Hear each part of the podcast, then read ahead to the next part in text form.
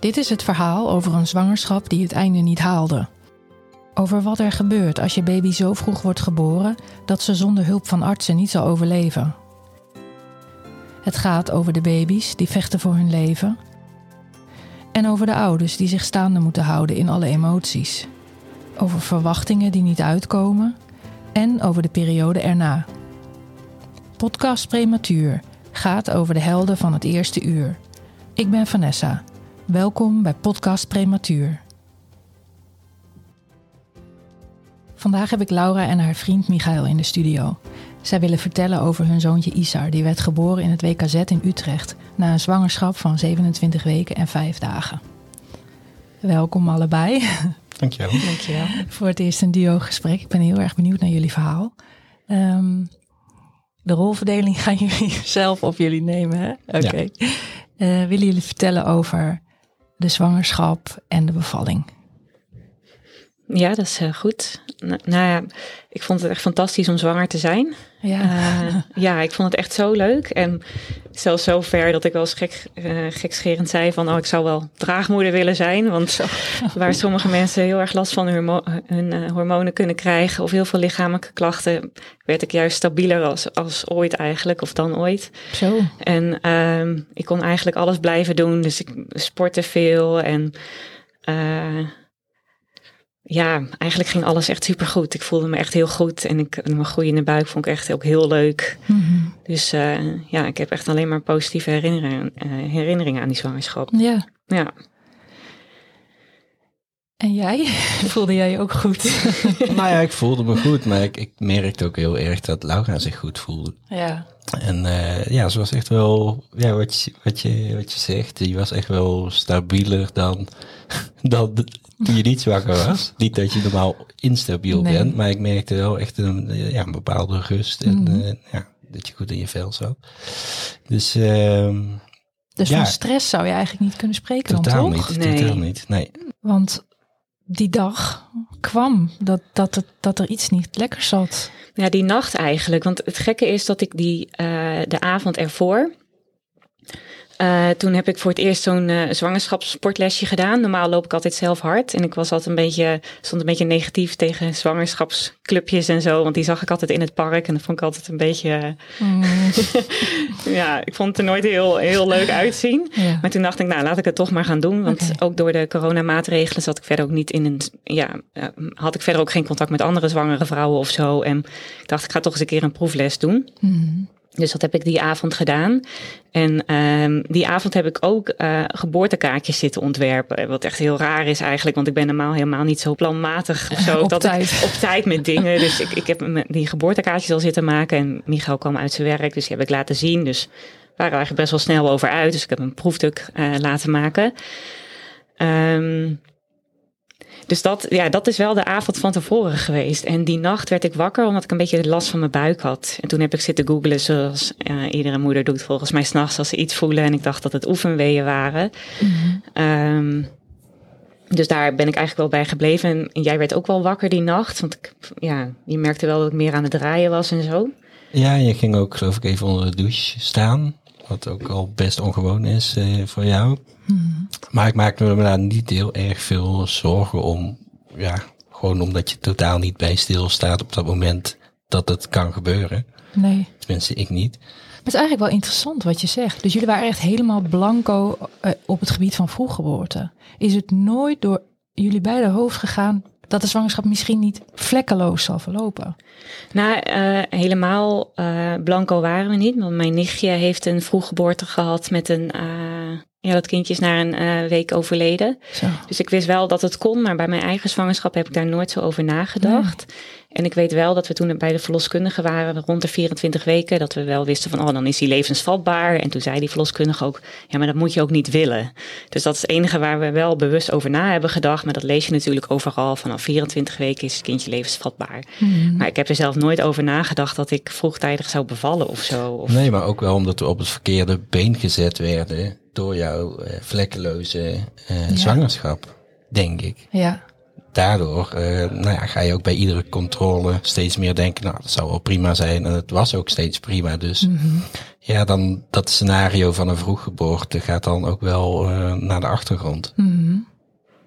Ja, want uh, je stond onder de douche en wat gebeurde er toen? Nou, ik bleef wel een beetje krampen houden, maar ik had ook echt niet het idee van, oh, mijn bevalling is van start gegaan. Dat heb ik echt geen moment uh, eigenlijk bedacht of me echt zorgen over gemaakt. Uh, wel was het zo, s ochtends hebben we uh, met het werk hebben we s ochtends een dag op start online. En ik bleef wel krampen houden. En Michael lag nog op bed, die had later dienst. En toen ging ik wel eens timen hoeveel tijd ertussen zat. En je krijgt bij de verloskundige zo'n briefje van met situaties wanneer je de verloskundige moet bellen. En ik voldeed aan een van die, want ik had terugkerende krampen na zoveel weken of zo. Mm -hmm. Dus ik dacht, nou laat ik toch maar voor de zekerheid bellen. En ik ben gewoon een briefing ingegaan van mijn werk. En ik heb gezegd, nou ik verwacht zo een telefoontje. Dus dan kan ik zijn dat ik eruit ga.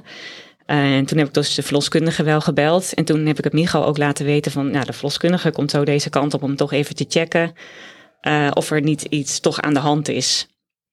Zij kwam eigenlijk vrij vlot. Ja, zoals ja. Uh, volgens mij binnen een kwartiertje of zo. Dus, ja. ja. En, en je vraagt van, ja, eigenlijk was je helemaal blanco. Ik was in dermate blanco dat ik ook helemaal niet wist dat er iets met je baarmoederhalsmond zou zijn als je gaat bevallen, zeg maar. Dus ik weet wel mm -hmm. dat zij tegen mij zei van, nou ja, volgens mij is hij wel verkort, maar ik weet het niet zeker. Dus ze ging overleggen met het ziekenhuis.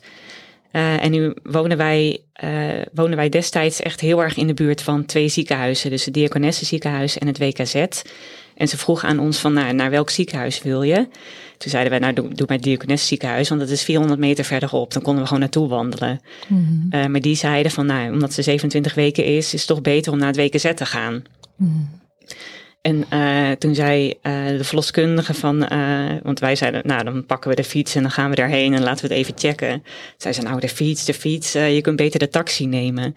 Maar dat voelde zo raar, want we wonen echt nou, twee kilometer hemelsbreed van het ziekenhuis af mm. om dan een taxi te gaan nemen. Terwijl ik echt dacht van, joh, check het even en dan gaan we gewoon weer verder met de dag. Mm.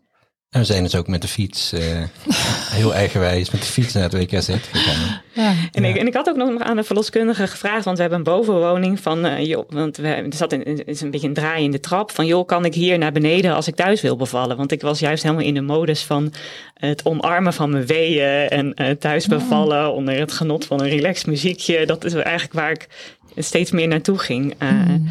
Ik luister die veel de podcast ook van Nina Pierson. Ik weet niet of je die kent, maar uh, dat gaat best wel over natuurlijk bevallen en zo. Dus daar, daarin zat ik eigenlijk nog helemaal met mijn hoofd. Mm. Maar goed, uh, we zijn dus met de fiets uh, naar het WKZ gegaan en toen startten eigenlijk alle controles. Ja. En toen werd wel steeds duidelijker dat, dat er toch wel iets meer gaande was. Mm. En toen werden we eigenlijk al vrij snel geholpen. Ik kreeg toen ook wel steeds meer het idee dat we prioriteit begonnen te krijgen. Dus dan langzaam begint het wel de dagen dat er, uh, dat er misschien toch wat aan de hand is. En dat, uh, nou ja, dat maakt ook wel bij ons dat het langzaam, uh, ja, wat, wat spannender begon te worden toen. Maar nog steeds dacht ik, en ik denk dat het ook wel een deel zelfbescherming is, dacht ik echt dat er echt ieder moment een arts kon komen van, joh, hè, er is toch niks aan de hand, ga lekker naar huis en ja. we zien je over drie maanden weer. Ik, ik heb dat echt tot het laatste moment ergens gehoopt of gedacht van. Mm -hmm dit, dit, is gewoon niet waar. Dit is gewoon niet zo dat we nu al uh, een kindje gaan krijgen. Mm. Dus ik heb, ben ook niet bang geweest die dag of zo. Dat ik dacht van, oh mijn god, wat gaat er allemaal gebeuren? Nee, omdat je het ook echt niet weet wat er nee. staat te gebeuren. Natuurlijk. Nee, precies. Want op een gegeven moment komt er een cruciaal punt waarop je overstag moet, ook in je hoofd. Ja, precies. Want, want uh, de arts deed dan zo'n test met zo'n glaasje. Volgens mij kan, kunnen ze dan, aan, ja, ik weet, echt, niet eens hoe dat heet, maar dan kunnen ze aan het vocht zien of zo, of het inderdaad de bevalling al uh, in gang is. En ik weet nog dat ze dat tegen me zei. Dus ik lag met mijn benen in van die dingen, weet je wel. En met mijn benen wijd. En toen zei ze wel van, ja, je moet wel blijven in ieder geval. En toen heb ik ook gelijk die longrijpingsprik gekregen. Mm -hmm. En ook toen dacht ik, oh, nou, die twee, twee keer 48 of twee keer 24 uur, die zit ik wel uit. En dan gaan we daarna weer naar huis. Dat, dat, dat dacht ik ook echt. Mm. Maar ja, in de tussentijd werden mijn weeën steeds sterker.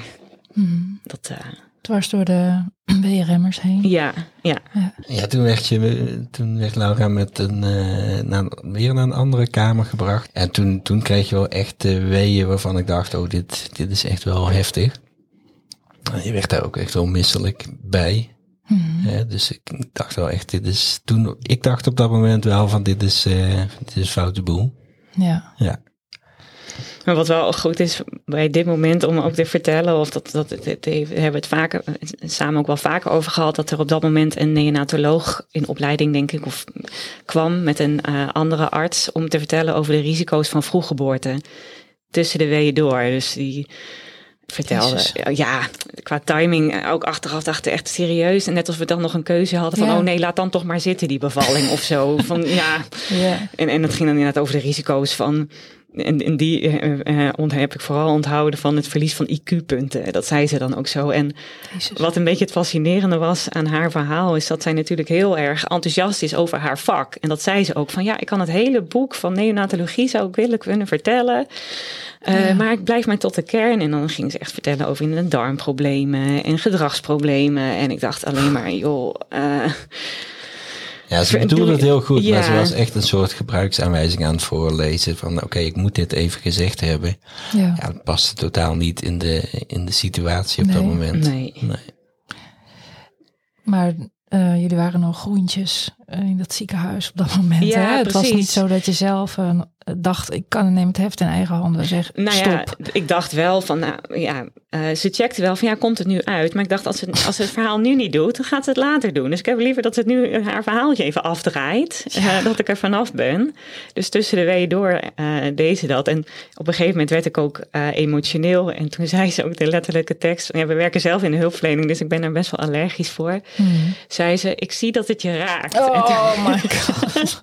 Fout. maar toen was ik wel weer even terug op aarde. Dat ik, dus ik zei ook best wel, ja, dan kan ik best wel direct zijn. Ik zeg, nou, het is wel een mooie gesprekstechniek die je nu inzet. Oh. En toen werd ze eindelijk een beetje menselijker of zo. Toen werd het wel een, een beter gesprek. En eh, Ja. ja, Maar achteraf gezien hadden we gewoon moeten zeggen, ja, nu niet. Nee. nee. Dat kan, dat kan nu niet. Eigenlijk zijn we op dat moment heel snel naar een verloskamer gebracht. Ja, ja. En Mm. ehm, ja, begonnen we de avond eigenlijk. Dus mijn zus nog langsgekomen om wat spullen te brengen. Eh, die avond zou, was, eh, zouden ze weer nieuwe maatregelen aankondigen. Maar dat eh, was, was nog niet, dus zij kon nog wel het ziekenhuis gewoon in. En toen heeft ze wat kleding en zo gebracht. voor ons allebei. Hmm.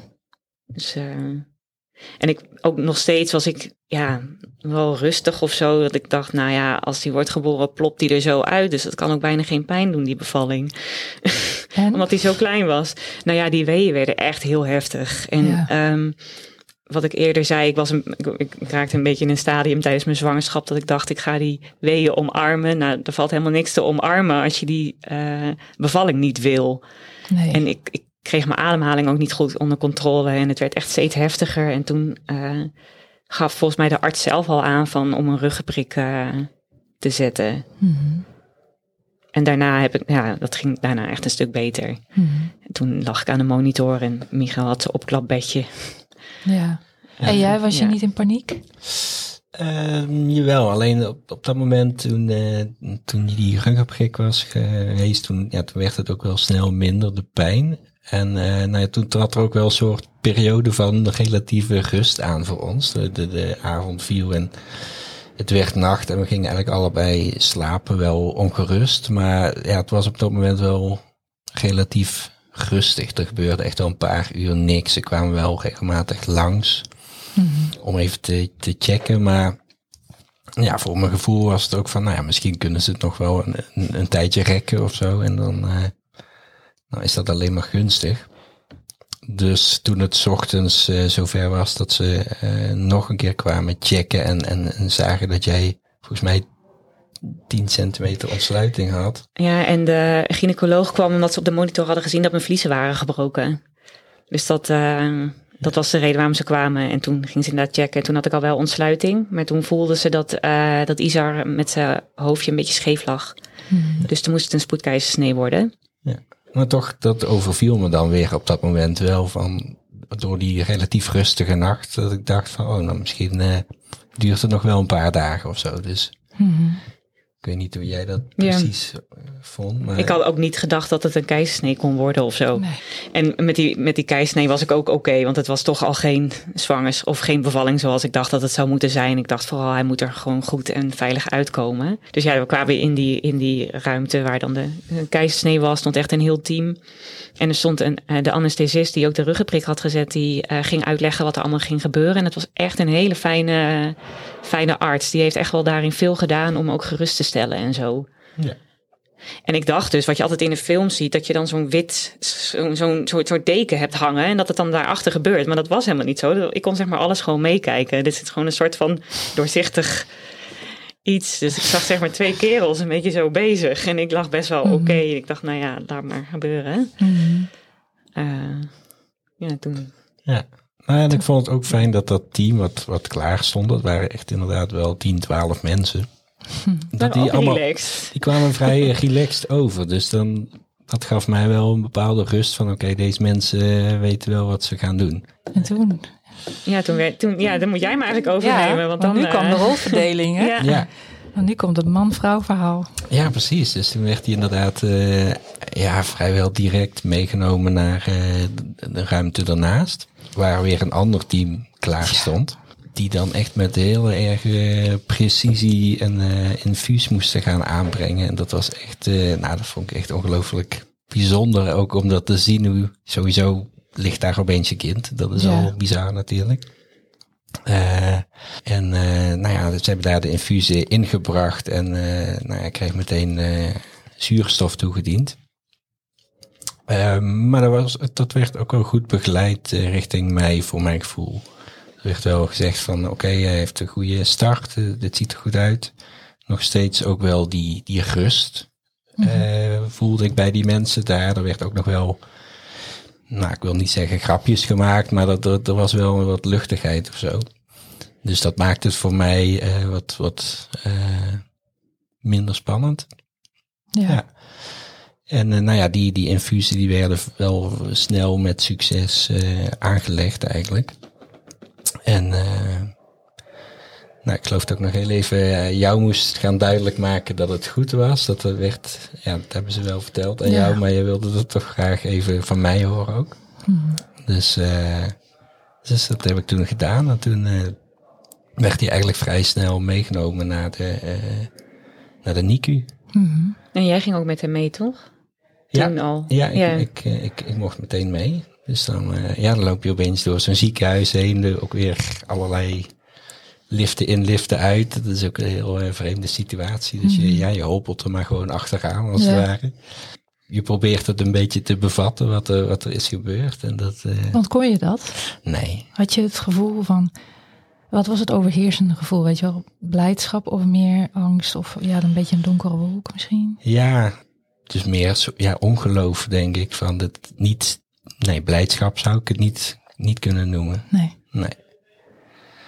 Heeft dat even geduurd? Ja, nou ja, dat ik echt blij kon zijn, dat was wel eh, ja, weken later eigenlijk. Mhm. Ja, Ik weet nog wel dat een verpleegkundige een keer tegen ons zei tijdens het buidelen van, nou ja, als je kindje wordt geboren, dan weet je dat meteen, dan ben je, weet je gelijk van, het is mijn kind en eh, daar ben je, ben je de moeder van. Toen dacht ik, nou, zo heb ik dat echt niet ervaren. Nee. Ik weet nog wel dat ik eh, die middag eh, mocht ik met Bette en al dan naar de afdeling toe om, ja, om bij Isar te gaan kijken. En ik, ik dacht alleen maar van, eh, ja, ik was niet boos, maar ik, ik dacht echt van, oh, had gewoon in mijn buik gebleven. Weet je, je zat daar Mhm. zo goed en wat doe je hier? Ja. Ook als ik daar nu aan denk, ik dacht echt, ja, ik dacht echt alleen maar, wat doe je hier? Mhm. Dus dat vond, ja, dat vond ik wel echt lastig. Eh, en, en ook dat, dat dus, waar ik ook nog heel erg mee bezig was, is dat mijn zwangerschap dus mislukt was. En Mhm. Wat ik ook nog best wel lang daarna heb gehad, dat ik dacht van, oh, ik wil echt zo snel mogelijk weer zwanger worden om Ja. het weer goed te maken of zo. Dat ik het Oh. wel af kan maken. Dus Dat zijn mijn woorden. ja, ik, en, en, dat, en dat speelt nu nog steeds ook wel hoor. Dat ik denk van, oh, Ja. ik hoop dat ik een keer een zwangerschap af kan maken. En daarmee dus ook de lading met, al, met alle wetenschap dat de kans groter is. Dat het weer misgaat. Dat je dat. Dat en, en dat het niet zo werkt. Het is niet dat je eh, het dan alsnog goed kan maken, zeg maar. Dit heeft wel echt wel twee of drie weken geduurd voordat ik echt dacht van, oh, dit is mijn kindje. En eh, ja. we gaan een, gewoon een hele toekomst tegemoet. Dus ik zat nog wel in de rouw van, mijn zwang, van de hele zwangerschap eigenlijk daarvoor. Ja. Los van dat we echt wel gelijk ervoor gingen met, uh, met het buidelen en voor hem zorgen en alles voor hem doen wat, er, wat maar kan. Hmm. Maar de, ja, de zorgen die overheersen wel, vind ik. Je kan wel blij zijn, alleen als je daar, daarbij zorgen hebt, dan, ja, dan, dan komt dat niet echt door of zo. En eh, had dat te maken met wat de artsen jullie vertelden over de mogelijke risico's, complicaties? Of, of ging het zelf met Isar ook wat minder? Nou ja, sowieso uh, het beeld van een kind van bijna 28 weken, dat is iets. Nou ja, daar had ik ook nog nooit iets over gelezen of over gezien. Dus uh, sowieso is dat niet wat, het beeld wat je hebt bij een pasgeboren baby. Zo, ja, je ziet gewoon aan alles, uh, je bent veel te vroeg. Nou, dat, er was wel inderdaad soms benoemd wel kans op infecties of hij heeft wat, wat teruggevallen in zijn, in zijn hartslag of in zijn, in zijn zuurstof. Maar het was niet, het ging wel redelijk, redelijk snel stabiel met hem. Hè? Ja, in ieder geval in een stijgende lijn. En dat iedere keer die acute stress, zeg maar, dat hebben wij niet op die manier ervaren. Het was zeg maar een continue stress, maar niet dat het in één keer super erg werd. En in die zin hebben we wel geluk gehad. Uh, uh, dus dat er weinig complicaties zijn geweest. En natuurlijk heeft hij wel een aantal dingen gehad, maar niet dat het echt acuut werd. Dat we echt dachten van, oh, we raken hem kwijt. Of, uh, mm -hmm. Nee. Nou ja, en wat je vroeg naar die, naar die zorgen, maar het is ook je weet ook niet zo goed waar je je zorgen om moet maken. Want dat werd dus best wel vaak benoemd van oké, kan in, ja, er, kunnen infecties optreden of uh, nou ja, dan, dan kwam er weer een hersenscan. En het is heel moeilijk om te duiden. Uh, oké, iemand zegt dat nu tegen mij, moet ik me daar een beetje zorgen over maken of heel erg of hoe reëel is die kans? Het is een beetje vergelijkbaar, vind ik, met de 20 weken echo. Ik had me van tevoren helemaal niet bedacht waar ze waar ze nou echt allemaal naar gaan kijken. Want ik dacht alleen maar, oh, weet je, we gaan weer naar de baby kijken, want het ging heel goed. Hmm. En dan vertellen ze eigenlijk van, inderdaad gaan ze al die dingen langs van wat dan goed is. En ik weet nog dat ik daarna vooral heel moe was. Ik dacht van, oh ja, alles wat ze hebben genoemd wat goed is, dat had ook fout kunnen gaan. En dat was eigenlijk tijdens ieder onderzoek in het ziekenhuis ook weer, dat ik dan achteraf realiseerde van, oké, het had ook een andere uitslag kunnen zijn. Hmm. Het kan best zijn dat ze ons ook dingen bespaard hebben uh, die ook mogelijk op hadden kunnen treden. Dat, dat, dat denk ik eigenlijk wel. Um, je hoort het vaker achteraf. Van, uh, in, in het dagboekje staat ook, dat realiseerde ik me later, van dat ze beentje opeens blauw werd. En dat ze toen uh, het infuus ergens anders hebben moeten doen. En, uh, mm -hmm. en toen dacht ik ook van, dat had, het had dus ook gewoon gekund dat hij zijn beentje kwijt was geraakt. Ja. Alleen hoor je het achteraf wanneer het alweer goed is. Mm -hmm. Dus dat, ja. En ook, daar hadden we het ook over. Uh, je krijgt natuurlijk als je dan weer bij je kindje komt zo'n update van of er veel dalingen zijn geweest. Of, uh, en de manier hoe de verpleegkundige dat vertelt, dat, dit heeft dus ook heel veel, uh, heel veel aan van wat dat dan betekent. Want sommige verpleegkundigen zeggen, nou, het had wel wat dalingen, maar dat hoort erbij. En dan denk je, oh, nou, dat hoort erbij, dus dat zal niet heel erg zijn. Terwijl de andere ook echt wel kon zeggen van, ja, had wel veel dalingen, weet je, dat is al een hele andere toon. Dus dan, Ja. ja. ja, je weet eigenlijk nooit van, ja, wat, wat is nou erg? Of wanneer moeten we ons nou echt zorgen maken? Ja, nou ja, en daar merk je dus aan dat je wel onder, onder stress leeft. Omdat je dus heel gevoelig bent voor wat is de toon waarop iemand dat zegt. Of hoe kijkt iemand daarbij. Dus dat, ja, daar waren wij heel erg gevoelig voor. Uh, als, je, als je aankwam en je kreeg een update. Nou, dat was echt wel, uh, dat vond ik wel iedere dag, twee keer per dag eigenlijk een heel, heel spannend moment van oké, okay, hoe zijn de afgelopen uren gegaan? Mm. En nou ja, ik denk ook wel de manier en, en ook wie dat het zei, dat dat wel uh, best wel veel uitmaakte. Mm. Ja. Want kunnen jullie vertellen over jullie ja, NICU-beleving, zeg maar? En ik ken het WKZ ook niet. Is het een NICU-zaal? Um, hadden jullie een doorloop, ook een, een carousel van verpleegkundigen? Hoe ging dat? Het is inderdaad een zaal en uh, het zijn drie aaneengeschakelde afdelingen. Dus volgens mij twee NICU en één highcare. En op iedere zaal liggen acht kindjes volgens mij. Ja, er was in ieder geval ruimte voor, uh, voor acht, ja. acht kindjes per, per zaal. Ja. ja.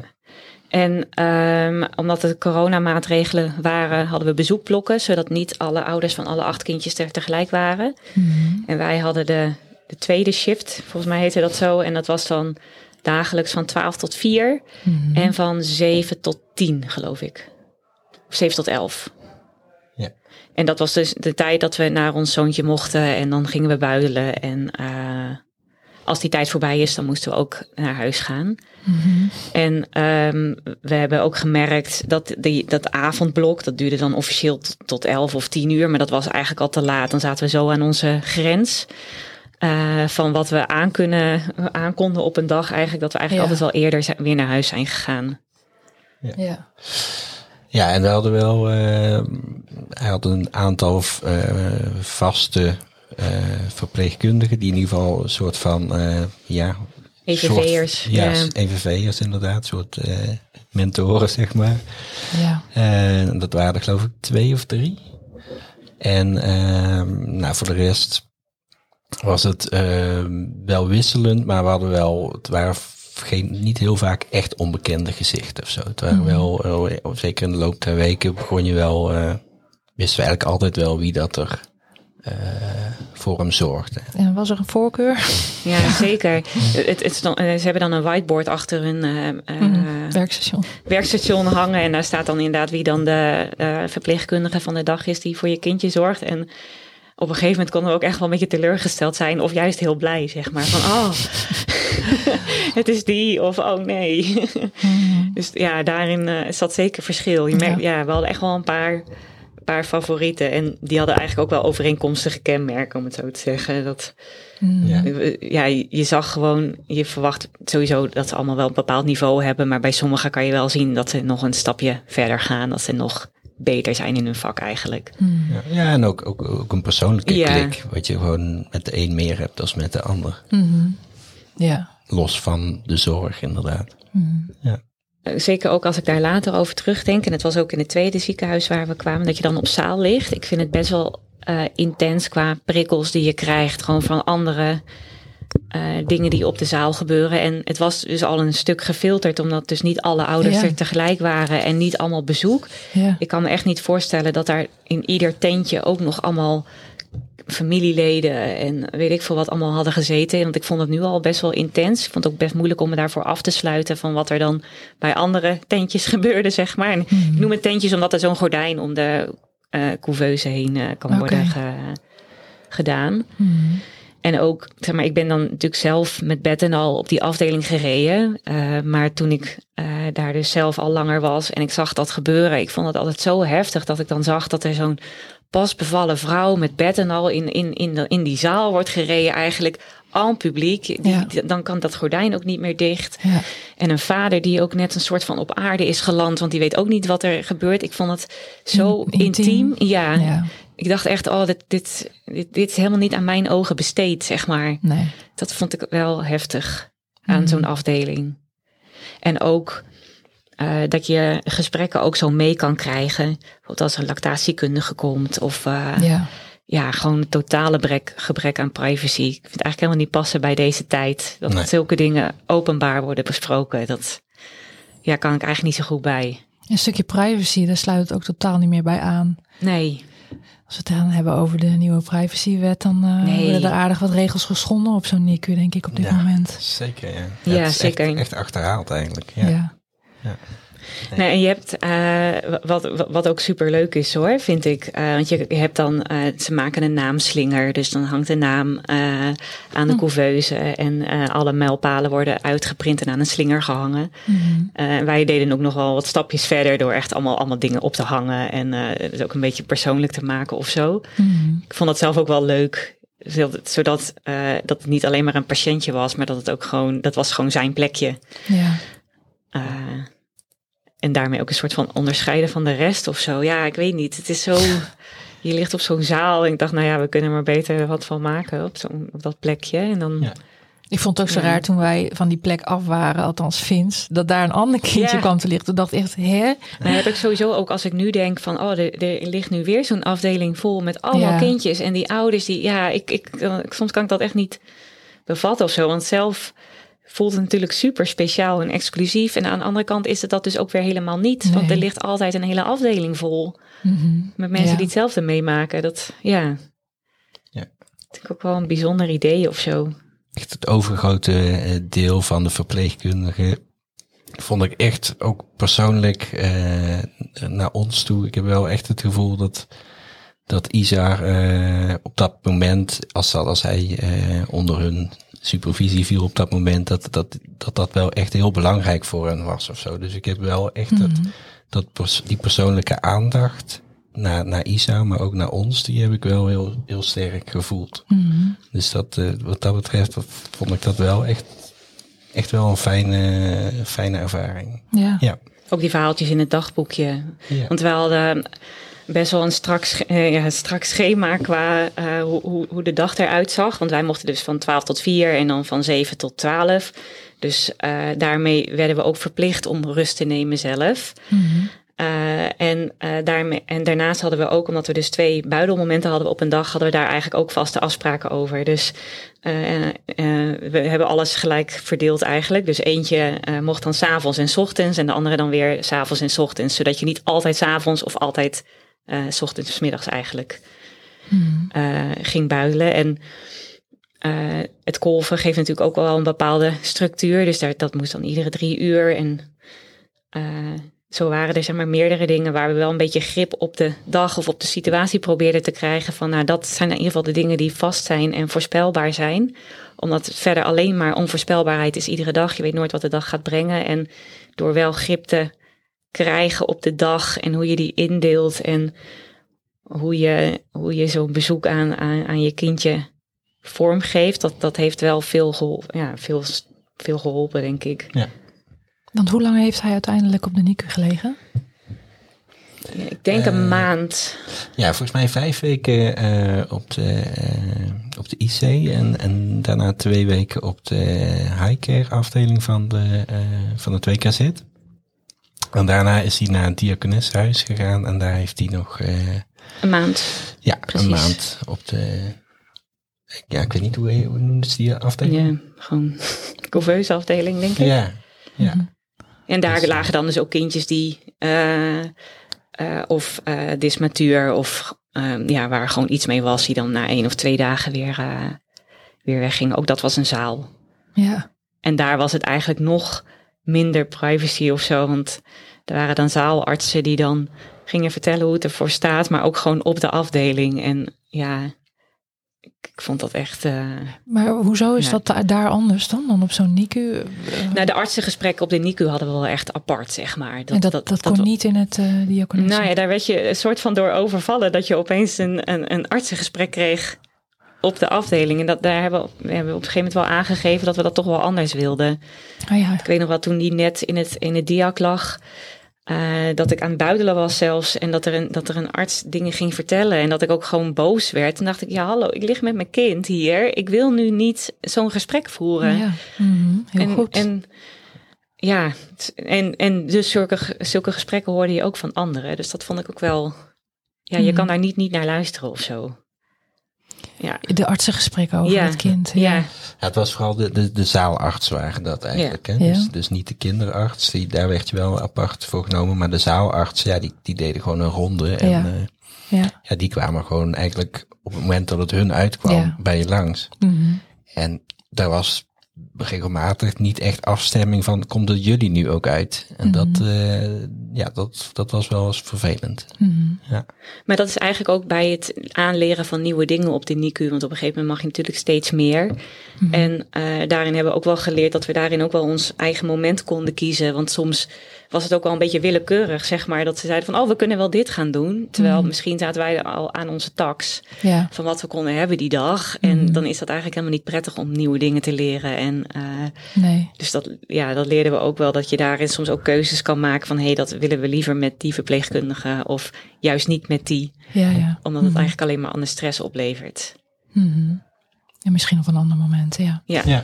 ja. En, en eh, werd dat wel, voel je daar, eh, ja, vond je dat lastig om dat aan te geven? Eh, en ik leer het wel steeds beter.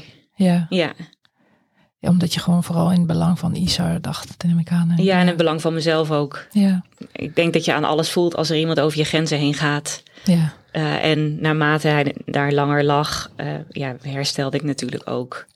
Dus dan Mhm. kon ik het ook wel beter aangeven. Ja, nou ja, en we bespraken ook wel iedere keer eh, na eh, hoe we het hadden gevonden. Op de Dus fiets terug, Dus hè? als we op de fiets naar huis zaten, dan bespraken we na van wat, wat gebeurde er nou eigenlijk. En, en dan kwamen we soms ook wel tot de conclusie, ja, we zaten eigenlijk al, al redelijk vol vandaag. Dus dat was niet prettig. Dus nou ja, daar, daar leerden we ook wel van, van oké, dat moeten we morgen anders doen. Of dit moeten we nog even teruggeven aan een verpleegkundige. Vooral eh, Laura is daar wel goed in. Dus ehm, ja, je hebt wel verschillende keren ook wel feedback daarover eh, gegeven. Ja. Ja. Maar je moet dat wel, je moet dat wel, die assertiviteit moet je wel zelf hebben. En, en ook eh, nou ja, aankunnen op dat moment. Want je bent toch best wel, ja, je, je zit gewoon in een, in een zware periode. Ja, misschien dat je dan ook denkt van nou, eh, kom maar door, dan, eh, dan doe ik maar nu in bad. Of dan eh, doe, doe ik het toch maar met deze verpleegkundige. Terwijl je dat eigenlijk liever met iemand anders doet. En dat zijn toch best wel bijzondere momenten natuurlijk. Dus ja, ik zou wel, ik zou zeker goed naar jezelf blijven luisteren of je, of je dat soort dingen prettig vindt op, op een bepaald moment. Ja. Ik neem aan dat jullie ook de, de zaalomstandigheden hebben besproken. hè? En, er- en er werd ook gezegd hè, dat, dat ze ook bezig waren met een verbouwing. En, eh, In beide ziekenhuizen. In beide Al ziekenhuizen, heel lang, ja. volgens mij, dat we die plannen Ja. hebben. ja, Nou ja, ze fantastisch. waren niet bezig met het verbouwen, maar wel inderdaad met De met plannen. pla- Oh, met Ja, de ja, plannen. vooral dat. Ja. Ja. Ja, ja, we wisten ook niet beter. Dus dit was wat het is. En eh, ja, maar er vielen wel vooral dingen op. Kijk, we werken allebei met mensen met autisme. En daar wordt altijd heel veel over naar overprikkeling gekeken. En ook hoe je dat kan voorkomen. Of hoe je daarop kan anticiperen. En daar zijn we uiteindelijk wel veel mee bezig geweest. Van hoe je dan zelf daar op een goede manier nog mee om kan gaan. Of eh, Mhm. zodat dat in ieder geval een beetje binnen de perken blijft. Mhm. Want soms ehm, werd, werd, je met iets overvallen, wat ik dacht van dat had volgens mij best van tevoren bedacht kunnen worden. Dus je hoeft niet de hele tijd eh, alles maar te laten gebeuren of zo. Ik denk soms, sommige dingen kunnen denk ik ook best wel voorspelbaar gemaakt worden. Mhm. Dus ja. Maar de, de bezoektijden gaven mij daarin wel ook een, een structuur hoor. Want eh, we wonen echt heel dicht bij het ziekenhuis, echt op fietsafstand. En kijk, de eerste periode kon ik, kon ik natuurlijk niet fietsen. Maar toen ik eh, hersteld was, kon ik wel gewoon fietsen. En ik denk, als ik zeker aan het begin, als we altijd de mogelijkheid hadden gehad om langs te gaan, had ik daar echt moeilijk keuzes in kunnen maken. Mhm. En nu door die bezoekblokken hadden we 's ochtends eh, gewoon de tijd om dingen te regelen en om mensen bij te praten. Want eh, in de tijd dat hij in het ziekenhuis heeft gelegen, eh, mochten er ook geen familieleden bij of zo. Dus we waren heel erg met z'n tweeën. Mhm. Ehm, maar die, die, ja, en we hadden dus ook gewoon de tijd om thuis te eten en dan weer naar het ziekenhuis te gaan. Dus Ja. er zat wel een, een bepaald ritme in, maar ook een bepaalde begrenzing in hoeveel je in het ziekenhuis kon zijn. Ergens wel goed dus. Dat, ja, ik heb dat wel als prettig ervaren, want anders had ik echt niet geweten waar ik het had moeten zoeken. Maar dan hadden ik. jullie de mazzel dat hij redelijk stabiel was. Ja, Maar in Vin's geval weet ik niet hoe we dat hadden gedaan. Bedoel, als je kindje continu ja, iets heeft. ja, En dan dat je er niet bij mag. Ik, ik denk dat dat ook niet goed is voor je eh, psychische gesteldheid. Ik kan me inderdaad voorstellen dat als, als het e- echt spannend wordt, eh, dat je dan wel nog meer in de buurt wil zijn, inderdaad. En, Mhm. eh, En nou ja, gelukkig hebben we niet voor die keuze gestaan. Hè? Dat we dat dan later hoorden van nou, het was wel heel spannend en eh, Nee zeg. nee. Nou ja, en we mochten zelf ook wel eh, gewoon 24 uur per dag bellen. Ja. En dat, dat, dat is ook logisch Dat natuurlijk, maar dat, dat deden we ook, eh, ook, ook, Ja, we belden. ook s'nachts. Ja, s'nachts ja. heb je ook zo'n kolfmoment en dan belden we eigenlijk altijd. En s'nachts werd hij ook gewogen, dus dan Oké. eh, ja, konden we weer een groeiend gewicht vieren. Dus Mhm. ja, we Ja. belden eigenlijk altijd s'nachts, hè? Ja. Ja. Ehm, ik ben ook benieuwd naar. ehm, ik heb het met vader Jeroen in een aflevering gehad hè, over de rolverdeling eh, vader-moeder. Eh, herken jij daar iets van? Ehm, sowieso het zorggedeelte, het, buitelen was echt 50-50 bij ons. Mhm. En dat vond ik zelf ook heel, heel belangrijk. Ehm, ja, en in het verzorgen zelf, ja, je, langzaam maar zeker ga je, krijg je dingen aangeleerd. Het eerste luiertje omdoen. eh, Isa was ook ons eerste kind, dus dat, daar hadden we verder nog geen ervaring mee. Mhm. Ehm, maar dat hebben we ook heel erg samen gedaan Ja, eigenlijk. nu nog steeds. Want hey, hij wordt dus morgen één, maar Ja. nu staan we nog steeds samen aan die commode. Ja. Ja, als we, als we allebei thuis zijn, dan, eh, dan zitten we hem gewoon samen te verschonen soms. Wij ook hoor. Ja, gewoon op de, Ja, gezellig. Ja, het is ook gewoon leuk Ja. om te doen. Dus, ehm, nou ja, ik weet niet. Ik, heb niet het idee dat daar een specifieke verdeling in zat bij ons. Nee, ik, en, en, en dat vond ik ook belangrijk. ehm de heel erg gelijkwaardigheid of zo. En, eh, ja, en we stemden dus ook wel met elkaar af van... Hey, hoe is iets voor jou? Of hoe heb jij het ervaren? Dus we evalueerden ook wel met elkaar of zo. Eh, en wat denk ik ook wel helpend is geweest... is dat, eh, eh, dat, dat we allebei gewoon er altijd zijn, eh, bij zijn geweest. Dus Michael eh, was ziek van werk... Dus waardoor hij ook de hele tijd aanwezig kon zijn. En ik, ik had, kan me echt niet voorstellen dat dat niet zo was geweest, dat ik daar alleen was geweest, zeg maar. Dus Mhm. we hebben ook alles heel erg samen kunnen doen. Ja, ja we zijn eigenlijk eh 2,5 maand fulltime in het ziekenhuis. In ieder geval ja, vrij geweest. Of vrij, in ieder geval niet, niet aan het werk geweest. Eh, En het wat- kon ook niet, hè? Want, want, want ehm, we werken allebei eh, dus in de hulpverlening. En als jij naar, het, eh, naar je werk had gemoeten en je had daar corona opgelopen of een verkoudheid of weet ik veel wat, dan had je dus niet meer naar je kindje gekund. Mhm. Dus het was ook wel duidelijk van nee, eh, je kan ook gewoon niet werken. Nee, maar los van dat, ik, ik wilde er ook Ja. gewoon bij zijn natuurlijk. Mhm. Wat denk ik ook wel helpt is, eh, ik heb dan wel gekolfd, maar ik ben daarna een maand mee gestopt omdat ik niet zo heel veel productie eh, had. Eh, dus het flesje geven, eh, dat, dat hebben we ook samen kunnen doen, zeg maar. Dus Mhm. op, ook toen hij eenmaal thuis was, deden, konden we dat ook samen doen. Dus de nachtvoedingen waren niet alleen maar bij mij, omdat ik borstvoeding gaf of Mhm. moest kolven. Dus eigenlijk hebben we alles heel erg dan ja, samen kunnen doen. Dus echt een hele duidelijke rolverdeling was er niet, omdat we ook wel een beetje dezelfde soort personen zijn. Mhm. Dat speelt denk ik ook wel mee. We zijn wel anders natuurlijk in, in, in hoe we zijn, eh, maar we her- herkennen ook heel veel van elkaar. Dus Mhm. ja. Ja. Nou ja, dat maakt dus, vind ik ook wel, eh, dat er het feit dat er geen vanzelfsprekendheid is van, oké, die doet dit gedeelte en dit doet dat gedeelte, dat maakt het wel lichter. Want dan, eh, ja, dan, dan weet je dat je in ieder geval altijd nog op iemand anders kan terugvallen als je even een mindere dag hebt. Of eh, ja, ja, je trekt het gewoon even niet. Dus nou ja, ik denk dat het fijn is dat je dan eh, nou ja, op alle gebieden ehm, iets, iets doet of iets eh, kan doen in ieder geval richting, nou ja, richting ziekenhuispersoneel of in de verzorging. Eh, nou ja, dat je dan veel meer van elkaar kan opvangen dan als één iemand heel erg eh, van de communicatie is en de ander heeft dat totaal niet. Nou ja, dan valt dat dus weg op het moment dat iemand eh, er niet is. Mhm. Hoe gaat het nu met Isar? Heel goed.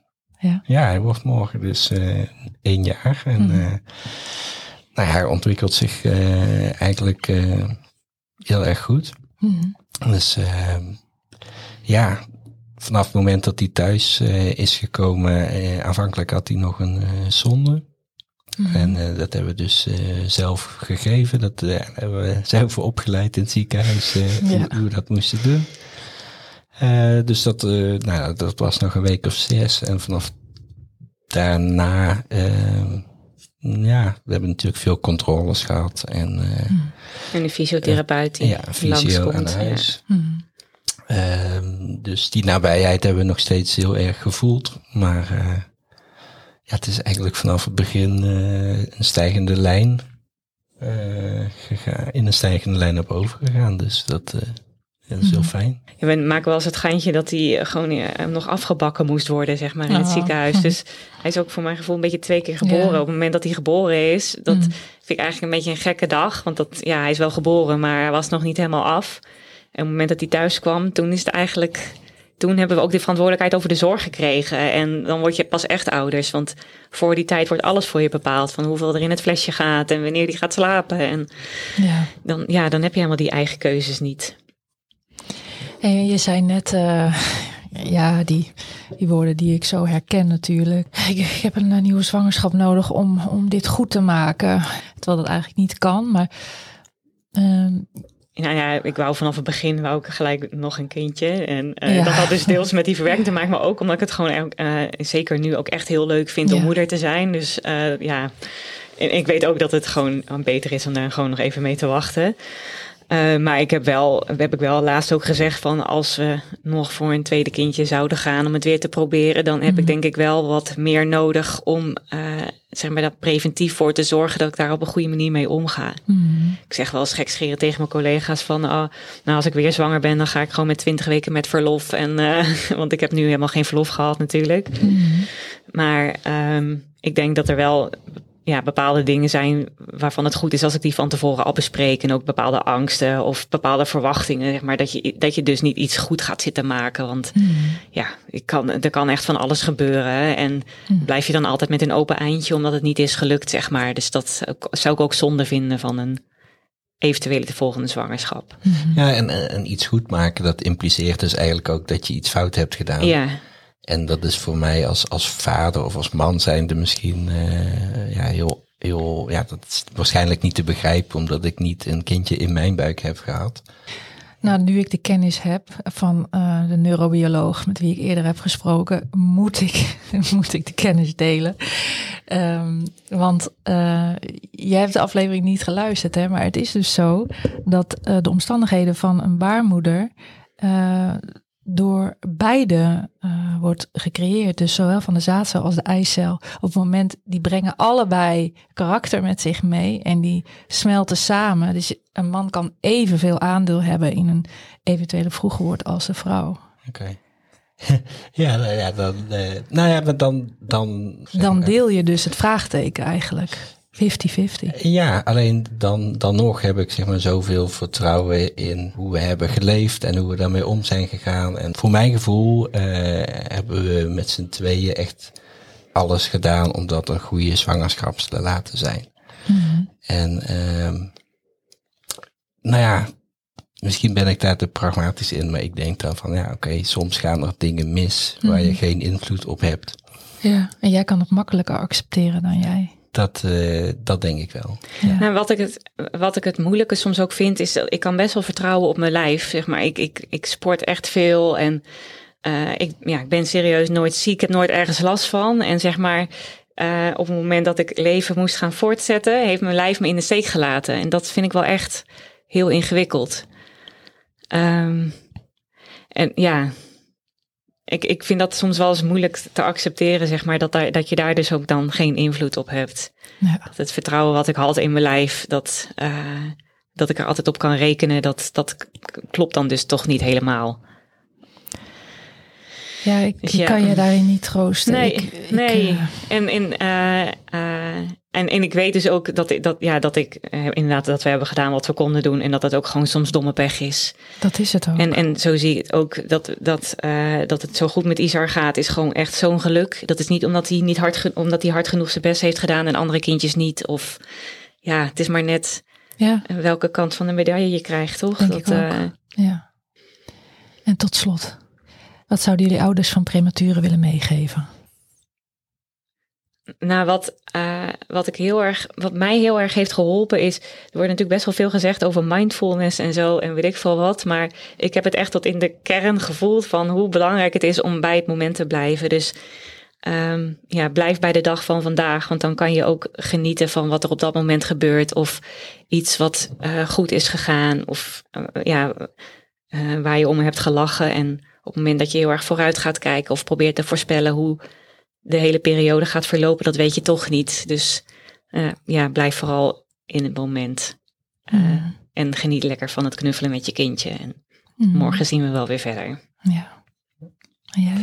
Nou, ik zou ook zeggen, eh, zorg ook goed voor jezelf. Ehm, het, is, het is gewoon een lange afstandsloop die je, eh, die je doorbrengt met, met elkaar.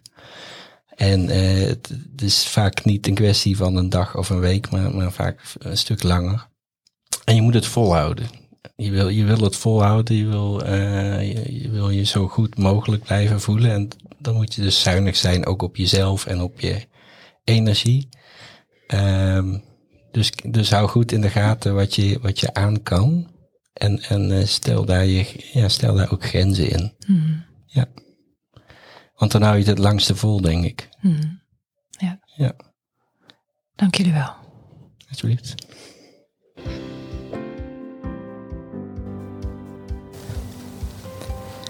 Laura benoemt de structuur die ze aanbrachten. Een vast schema, iets om je aan vast te houden, grip op de dag te krijgen.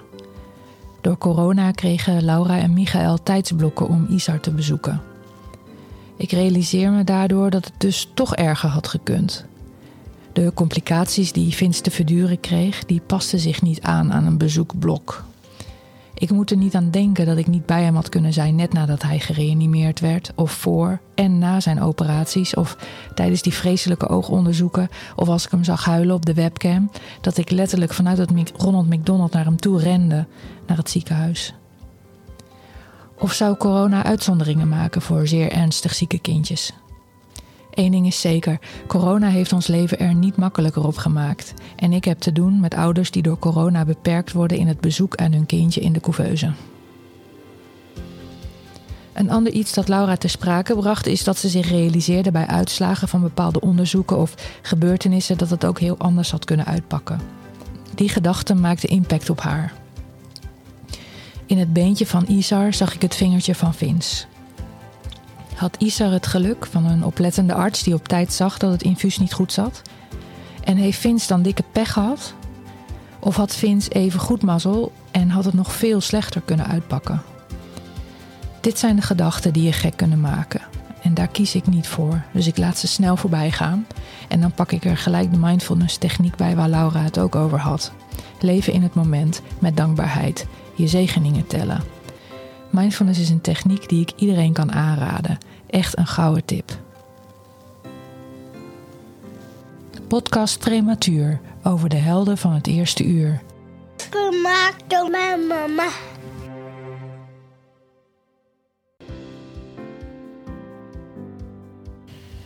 Dank je voor het luisteren naar deze aflevering. Ik weet niet of je zelf moeder of vader bent van een prematuur of een zorgprofessional, maar ik hoop dat me is gelukt wat ik voor ogen had. Je als ouder het gevoel te geven dat je niet alleen bent en je als zorgprofessional een inkijkje te geven in de belevingswereld van ouders.